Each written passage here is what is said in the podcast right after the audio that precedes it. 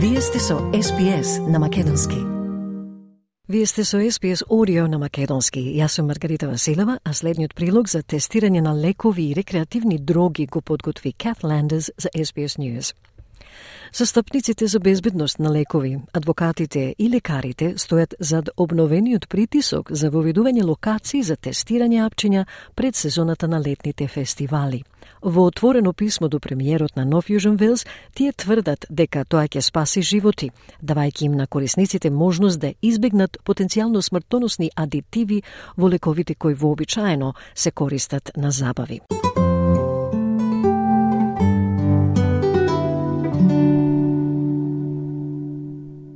Петицијата до премиерот на Нов Южен Велс Крис Минс во која се апелира за воведување на тестирање на таблети на почетокот на сезоната на летните фестивали падна во вода.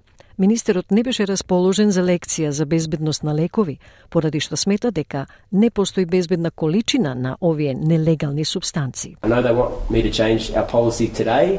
But I'm not going to do that. The truth is that there's no safe quantity to take of these illegal substances.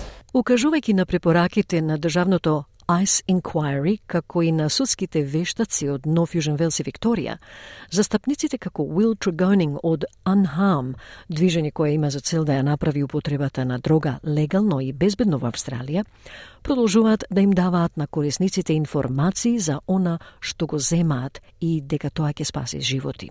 Трагонинг вели научната анализа и советите без стигма во услугите за тестирање на дрога им помагат на луѓето да донесат подобро информирани одлуки за нивната употреба на дрога. Scientific analysis and stigma free advice in drug checking services helps people make better informed decisions about their drug use. Професорката Надин Езад од Националниот центар за клиничко истражување на нови лекови се согласува дека неинформираноста може да биде потенцијално катастрофално.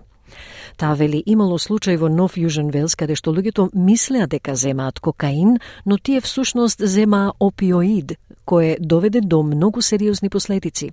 Така што тие неочекувани резултати може да резултираат со промена во однесувањето кај луѓето. There been some of the drug alerts in New South Wales where people thought they were taking cocaine, but actually they were taking an opioid with very serious uh, very serious consequences.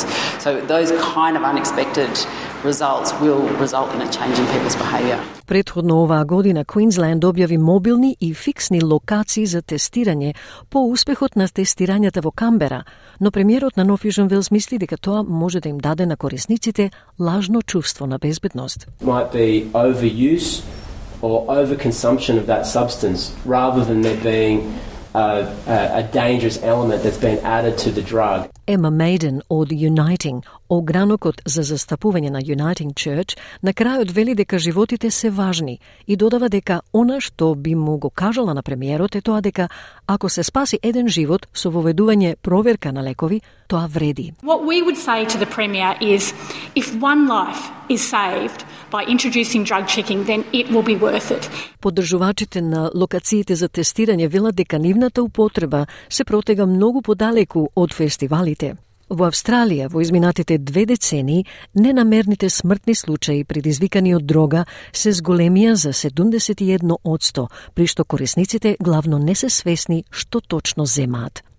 Професорот Езад вели дека нема контроли, особено со дрогата MDMA, која понекогаш ја нема и наместо MDMA во дрогата има многу други психоактивни субстанци. Particularly with drugs like MDMA, at sometimes there are there's no MDMA at all and a lot of other psychoactive substances that might be in there. Што се однесува до оние кои присуствуваат на фестивали, идејата за тестирање за нив изгледа разумна мерка на предпазливост. It's one of those things that people are going to do it anyway if they want to, and you might as well make it as safe as possible for them to do so.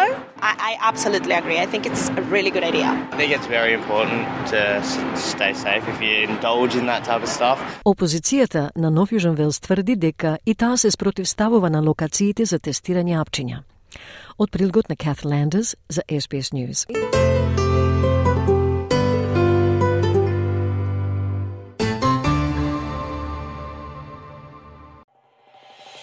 Сакате ли да чуете повеќе прилози како овој?